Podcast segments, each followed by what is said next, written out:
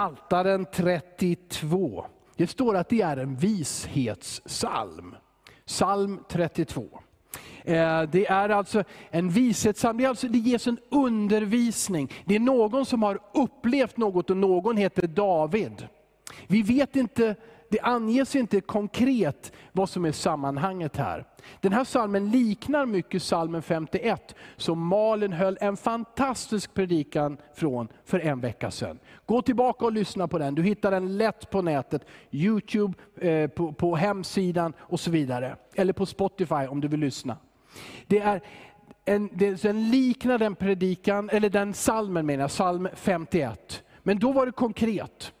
David hade begått äktenskapsbrott. Han hade tagit sig en annans fru efter att ha mördat denne person. Det var hur extremt som helst.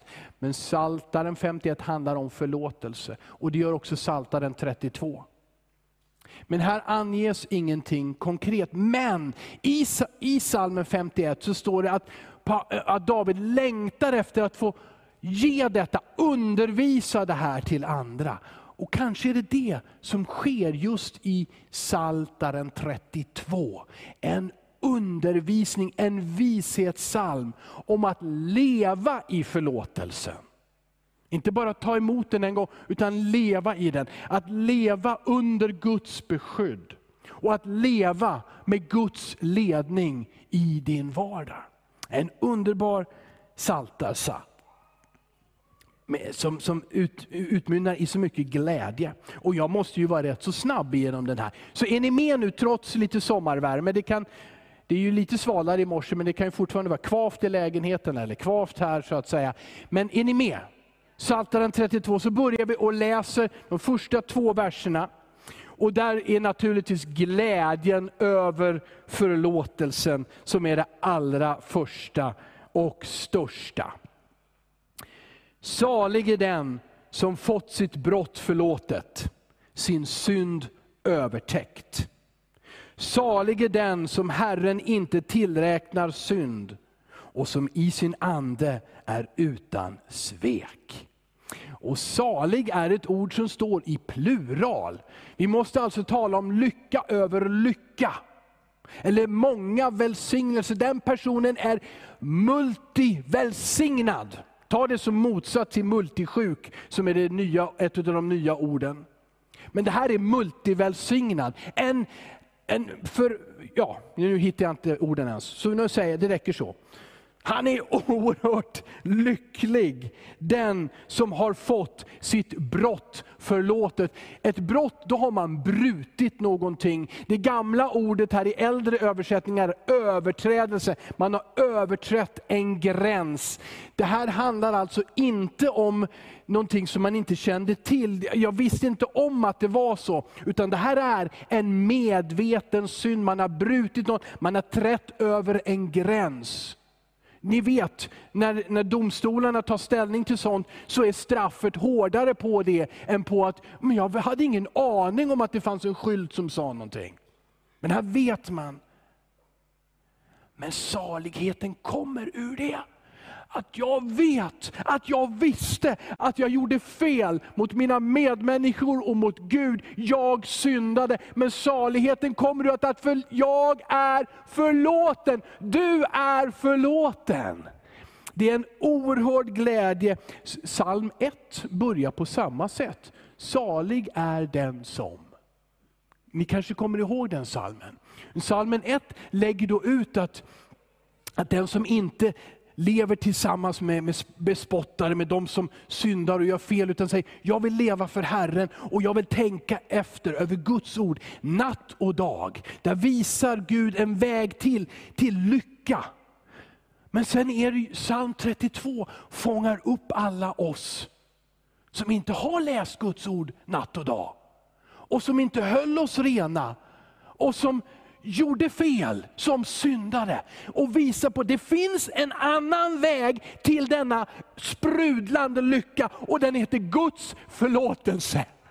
En befrielse, en Guds förlåtelse. Salig är den som fått sitt brott förlåtet, sin synd övertäckt. Ett annat sätt att beskriva det. Ett brott, en synd, förlåten, övertäckt. Det exponeras inte längre. Det är inte längre i rampljuset, och alla vet vad han och hon gjorde och vad hemskt det var. Utan det är övertäckt. Det är förlåtet. Där ligger en Guds kärlek över det som var. Och vi får helas och glömma och gå vidare. Salig är den som Herren inte tillräknar synd. Här är, hur många av er håller på med bokföring? Ja, det är kanske några stycken. Ja, det är i alla fall någon hand där. Jag känner. Att tillräkna skuld. Ja, det här är liksom pappersexercis. Det här, så mycket är skulden. Men här står det, den är lycklig som Gud inte tillräknar synd. Det är verkligen överstruket. Det finns inte på det pappret i den bokföringen. Utan det är deklarerat färdigt förbi. Alltså vi blir förlåtna. Vår synd täcks över. Och den, är, den, den, är, den tillräknas oss inte längre. Det är underbart vilken glädje som kommer ur förlåtelsen. Vi går vidare i den här salmen. Och då berättar David om plågan över att inte vara förlåten. Det elände, den nedtryckthet som kommer av att inte vara förlåten eller tro sig inte vara förlåten. Det står så här i vers 3 och vers 4. Så länge jag teg förtvinade mina ben och jag stönade dagen lång. Dag och natt var din hand tung över mig. Min kraft rann bort som i sommarens torka. Han beskriver ett eländigt tillstånd av liv. Ben som förtvinar, ben som blir gamla och förlorar sin livskraft, sin bärkraft.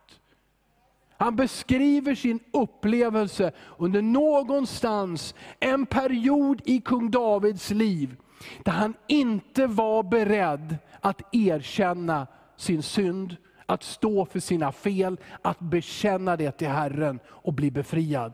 Utan han ville komma till rätta med det på, eget, på egen hand. Eller han tyckte att han var värd straff att bära detta. Men det blev sommarens hetta som i öknen. Det står en annan översättning säger som en torr åker. Under solens fulla kraft. Han stönar, han flämtar. Han vill ge upp. Och var och en, och jag tror att det är många, eller ska vi säga alla, vet om att vi har syndat. Och många, kanske ändå inte alla, känner denna känner igen detta. Vad eländigt mitt liv blev när jag inte fick bekänna. När jag inte förmådde mig att säga orden förlåt. När jag inte kunde säga, jag har gjort fel. Vad eländigt det blir med ett samvete som tynger. Och det står att Herrens hand, din hand vilade tungt över mig, skriver David. Och man flyr hellre Guds närhet. Man flyr hellre en kyrka med så mycket härliga, glada, fromma människor.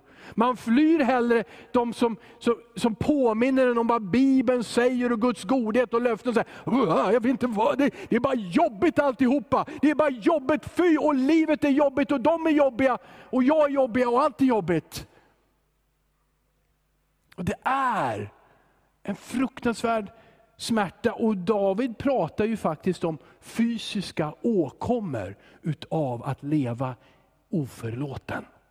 Att leva med skuld som är obetald. För sinnet, för psyket, men också för den fysiska kroppen. Dag och natt var din hand tung över mig, min kraft rann bort som i sommarens torka. Och där står ordet selah.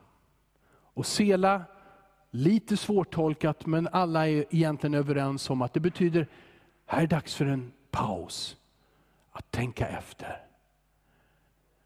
Så tungt var det att inte vara förlåten. Men det får oss in i nästa vers som är bekännelsen som befriar. Då erkände jag min synd för dig och dolde inte mer min skuld. Jag sa, jag vill bekänna mina brott för Herren. Då förlät du mig min syndaskuld. Och så skriver han än en gång, Sela. För det här, nu måste du ta en paus och tänka efter. Det här är en kärnvers i Bibeln. Det här är budskapet till dig. Den som bekänner blir förlåten och befriad. Det finns en mäktig, oerhört stor förlåtelse som täcker allting. Där sker om, där sker förvandlingen. Att gå från sommarens hetta, Herrens hand över oss, det är tungt och jag flämtar, till att få leva i en sprudlande glädje. Vändningen kommer när vi säger, jag bekänner att jag har gjort fel. Jag behöver förlåtelse. Ni känner Nya Testamentets vibrationer i hela denna saltarsalm. Johannes skriver, när vi bekänner vår synd är han trofast och rättfärdig. Att han förlåter oss vår skuld, vår synd och, och, och, och renar oss från all orenhet. Det står att Gud är trofast, amen. Den som bekänner blir förlåten. Det står också att han är rättfärdig. Vad, vad har rättfärdighet med det sammanhanget att göra? Att, att Gud förlåter, vad betyder det? Jo, rättfärdigheten i det här sammanhanget är att Gud kommer inte utkräva, och han utkräver inte straff. Kräver inte det, utkräver inte det utav dig, för han har redan gett det, lagt det på någon annan, hans egen son Jesus Kristus. Så rättfärdigheten i förlåtelsen är att du löser in det som redan är ditt. Jesus dog för oss, visade sin kärlek i att han dog för oss medan vi ännu var syndare. Han har redan dött, det är förlåtet. Att bekänna din synd är inte en sån här gärning då Gud säger, åh nu var du en duktig pojke och flicka som äntligen har sagt det. Utan det är att ta emot det som Gud har gett till dig och mig och varje människa. Förstår du? Det är så tydligt och klart varför David måste skriva en sång, en psalm som ska sjungas och läsas och bedjas ut än idag, 3000 år senare. För den här förlåtelsen, den är så stor, så livsomvandlande, så fantastisk. Kan jag få ett amen? Amen. Det är det största. Jag hoppas att du känner det, att du vet det. Och att om du inte gör det så tar du den här salmen och så bankar du in den i dig själv. Du behöver inte slå Bibeln på huvudet, men du tar till dig det här. Du lever det här, för detta är din lovsång och din framtid. Det här är vad Gud vill för varje människa. Han har redan dött för dig. Han har förlåtit dina synder. Din omvändelse är bara egentligen ett, ja tack, tack. Öppna ditt hjärta, sträck ut dina händer, ta emot Guds förlåtelse. Och det förvandlar en själ och det förvandlar din framtid. Oj vad härligt det här är. Det står så här i, eh, vi ska se här. Kort tillbaka till vers 2. Kort tillbaka där, för där stod det, salig är den som Herren inte tillräknar synd och som i sin ande är utan svek. Vad betyder det? Att vara utan svek, jag tror att det också är en konsekvens av att vara förlåten. Jag tänker inte längre förneka. Jag tänker inte fixa det här på egen hand. Jag tänker inte låta den ena lögnen bli till en annan lögn. Jag är förlåten. Vilken frihet jag har. Nu ska jag leva utan svek. Jag ska inte svika mina löften. Jag ska inte svika mina medmänniskor. Jag ska inte svika min Herre. Den människan blir lycklig som blir förlåten. Det förändrar vårt liv, vårt tänkesätt, hur vi löser våra problem. Istället för att fixa det på egen hand och hitta så här krumma vägar, så går vi till Herren och vi ber. Amen. Och det här ser vi ännu mer utav. Nu ska vi, nej jag måste, förlåt, en vers till innan vi lämnar bekännelsen som befriar. Det står så här profetiskt i Jesaja 55, vers 5.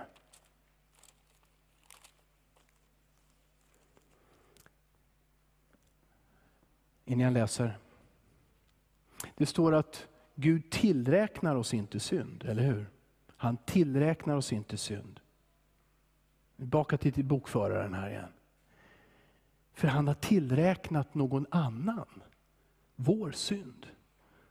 Jesaja 55, 53, vers 5, 53, vers 5. Straffet blev lagt på honom för att vi skulle få frid. Och genom hans sår är vi helade. Vi är skyldiga inför Gud, inför varandra, inför skapelsen. Vi gör många fel mot varandra, mot naturen, mot Gud. Vi gör det. Men det står att vi inte tillräknas den skulden. Oj!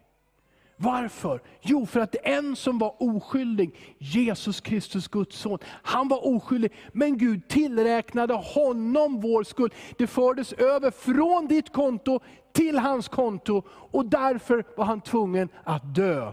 För synden kan bara resultera i död. Eftersom Gud är livets källa, livets ursprung. Han är upprätthållaren av livet, han är själva livet. Det finns ingen synd i Gud, ingen död i Gud, inget mörker i Gud. Därför kan inte synd existera inför Gud i himlen. Det går inte, det måste dö, det måste bort. Och det är människans väg om vi lever vår egen väg. Men då tar Gud, han tar bort det ifrån oss och lägger det på Jesus Kristus. Och därför så dog Jesus Kristus. Han dog i ditt och mitt ställe för att vi skulle leva och ha frid och förlåtelse. Det här är Jesus Kristus. Men nu fortsätter vi i psalm 32. För som jag sa, det finns en välsignelse av att leva i förlåtelsen. Vers 6. Därför ska alla trogna be till dig medan du går att finna. Om väldiga vattenfloder kommer ska de inte nå dem. Det här får den säga, kan den säga som är förlåten. Vad, vad är bön? Bön är att komma till Gud, eller hur? Bön är att leva i Guds närhet. Och vi sa, som vi sa förut, när du har skuld, när du har synd, då flyr du den närheten. Men när du vet att du är förlåten, wow! Då vill jag vara nära Herren. Då vill jag be. Då vill jag tala med honom om allt som bekymrar mig, om allt som tynger andra människor och mänskligheten. Jag vill be, formulera det i böner till honom så att han tar det. Det finns en glädje i att söka att vara med den som har förlåtit oss. Vad underbart det är. Det är en välsignelse att vara förlåten. Det är också en välsignelse att räkna med Guds beskydd. Vers 7 säger, du är mitt beskydd. Alltså min tillflykt, min borg. Du är mitt beskydd, du bevarar mig från nöd, du omger mig med frälsningens jubel. Sela. Och kära vänner, hur... Det har varit tufft och det är fortfarande lite tufft. Vi måste fortfarande hålla avstånd, inte krama varandra. Eh, vi måste respektera restriktioner på grund av viruset som är så tufft ändå mot enskilda människor. Och vilken frustration det har varit och är i vissa länder. Uganda, är ett av många länder som är totalt nedstängt. Men om du vet att du är förlåten, då har du glädje mitt i restriktioner. Om du vet att du är älskad av medmänniskor, men allra mest av Gud själv.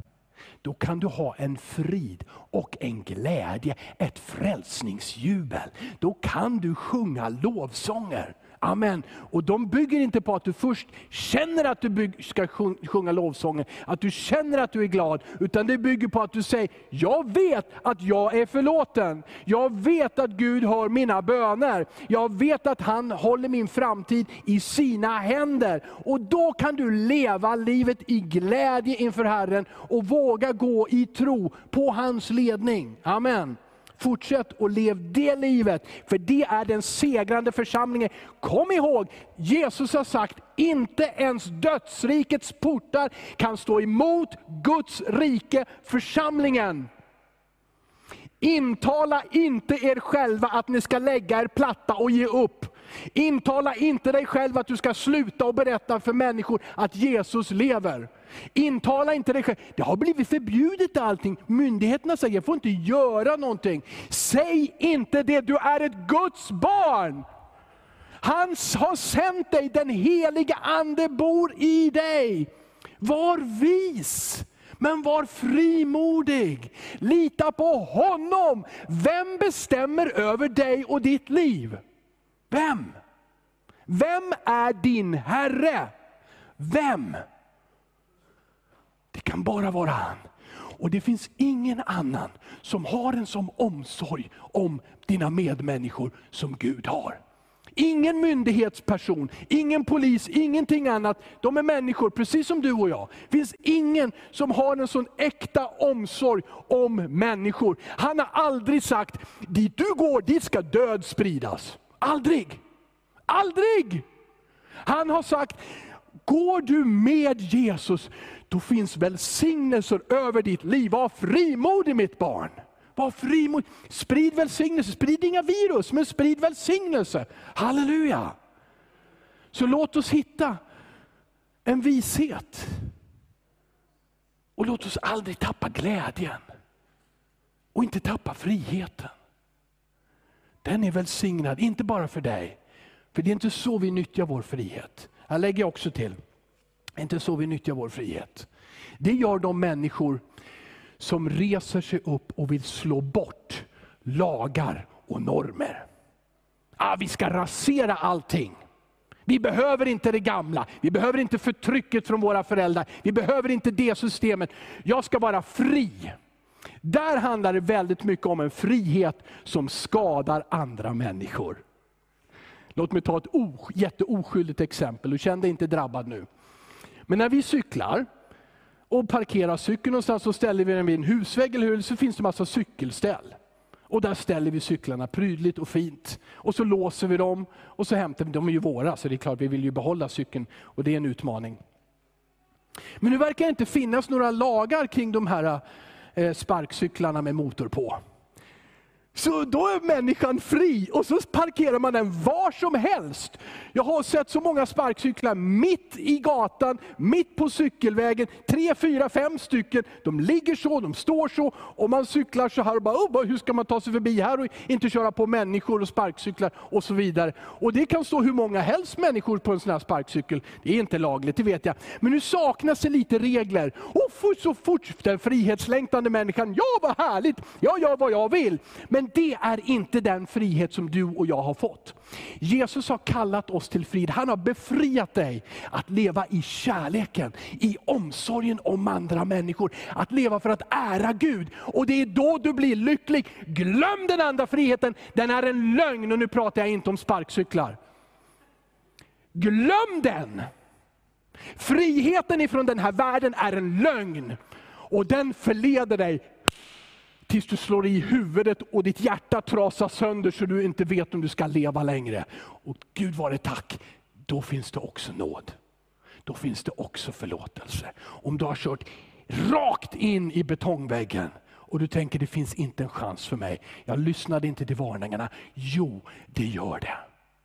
Gud älskar dig. Han har inget annat på hjärtat än att hela dig och upprätta dig. Vad du än har gjort. Och Det här gällde för Paulus, som vi kunde kalla en mördare. Det gäller för alla.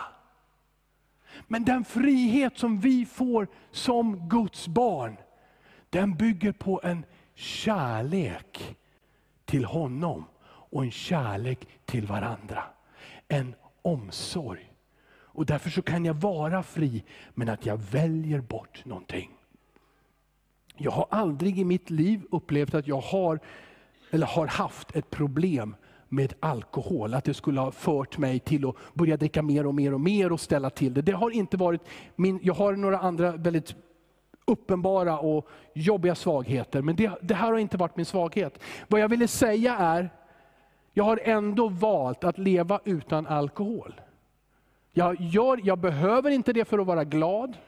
Och jag vet att jag lever med många människor runt omkring. Jag vet ju inte vem som har starkare den svagheten och de omständigheter som kommer att störta ner och få sitt liv och sin familj förstört av alkoholen. Men av omsorg och kärlek så har den här församlingen sagt för många årtionden sedan, här i pingstförsamlingen i Eskilstuna så dricker vi inte alkohol.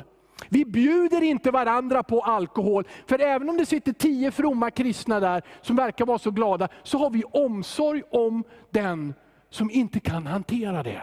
Och vi säger, det här får vara en zon, där du får känna, oh, jag kan komma med alla svagheter. Jag kan vara beroende av alkohol, jag kan tycka att pornografi är oerhört spännande. Jag kan kämpa med den och den synden. Men jag är välkommen här. Och här kommer jag inte att exponeras och luras in och fräsa. Ja men smaka lite grann, det är inte så farligt. Varför tar inte du en droppe? Ni, kom, ni har väl upplevt det allihopa antar jag? Om man vågar att gå på en fest där det dricks alkohol, då är, efter en liten stund så är ju nästan hela festens mål att få dig också att dricka. Ja, nu glömmer vi det där. För nu predikar jag jättelänge. Är ni med fortfarande? Ja, då ska jag avsluta. Nej, var det någon som sa. Okej, vakna upp nu. Jag hörde ditt nej, jag såg dig inte. Men jag, jag ska avsluta för det här är en välsignad psalm. Lyssna, Guds ledning. Det här är Guds hjärta och jag älskar den här versen. Det var den versen som min pappa gav till mig för många, många år sedan och som fick mig kanske allra mest idag att predika. Där det står i vers 8, jag vill lära dig. Nu är det Gud som talar genom David, genom Davids mun profetiskt. Säger Gud, jag vill lära dig och undervisa dig om den väg du ska vandra. Jag vill ge dig råd och låta mitt öga, och, och, och, och låta mitt öga vaka över dig. Det här är Guds hjärta. Att leda dig, ge dig råd, ge dig kraft. Dag för dag. Och så kommer en varning på en gång. Var inte som en häst eller mula som saknar förstånd. Som måste tämjas med töm och betsel om de ska komma till dig. Här är jag, har jag så ofta varit och här finns en, en syndig natur i mig som är sån. Nej, nej, nej, nej, nej, nej, nej, nej, nej, jag ska inte läsa Guds ord, jag hinner inte och jag ska göra det här och jag ska göra det istället. Jag, ska, jag, jag har så mycket kraft ändå, jag är ung, jag kan göra vad jag vill. Men det är som ett djur, och ni vet, du kan inte leda en häst eller en åsna, en mula, om du inte har töm och betsel på den. Den, den är inte intresserad av vad du är, vem du är, vad du säger. Utan det behövs. Och det här finns ju, i hela gamla testamentet finns ju töm och betsel. Det kallas, det kallas för lag, Guds lag. En människa som inte har ett förvandlat hjärta, men som Gud vill lära att leva rättfärdigt. Ja, då finns det lagar, gör inte det, gör inte det, du måste göra det här och det här och det här, men inte det. Det är töm och betsel. Men vad blir livet och resultatet med det? Om inte hjärtat är förvandlat. Det blir, kan bli som en verkligt torr sommardag. Det blir jobbigt och man flämtar och stönar. Men Guds hela tanke för dig, det är att förvandla ditt hjärta, ditt och mitt hjärta, från det inre, så att vi gör hans vilja. Amen. Den gudlöse, gudlöse står i vers 10, har många plågor, men den som litar på Herren omger han med nåd. Alltså den som lever i förlåtelsen, gläder sig över nåden. Är inte rädd för, för floden, för stormen, för utmaningarna. Ja, man blir rädd. Klart man blir rädd. Men man, slutar, man landar inte i rädsla och lever vidare i rädsla. Utan så fokuserar man på Jesus igen och så ser man, ah, det går det här med. Man kan förlora arbetet. Man kan förlora familjen. Man, kan förlora, man tycker att man förlorar Guds kallelse. Tycker att så mycket går i kras. Men att vända sig till Jesus, att få ta emot förlåtelsen. Att få bekänna och säga, ja jag vet att vi båda, båda gjorde fel, men jag står nu för mina fel, mina synder. Jag ber om förlåtelse. Jag, slut, ja, jag vet att samhället inte är så enkelt och de, de verkar vara emot mig, men jag slutar att skylla på samhället. Jag säger, Gud, jag har inte nyttjat mina chanser. Jag har slängt bort tid och möjligheter. Jag ber om förlåtelse. Att bekänna, det är det som befriar. Att få leva i förlåtelsen under Guds beskydd. Inte mitt eget, inte andra människors, utan Guds beskydd. Och med hans ledning dag för dag. Det är det bästa, det är det största.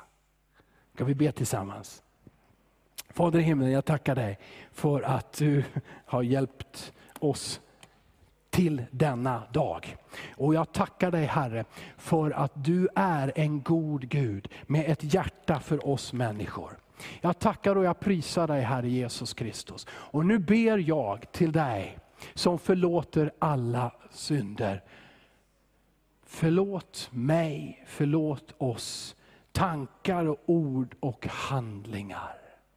Herre Jesus Kristus, det omedvetna, det oskyldiga, men också där vi visste att det var fel. Förlåt oss Herre. Tack för förlåtelsen.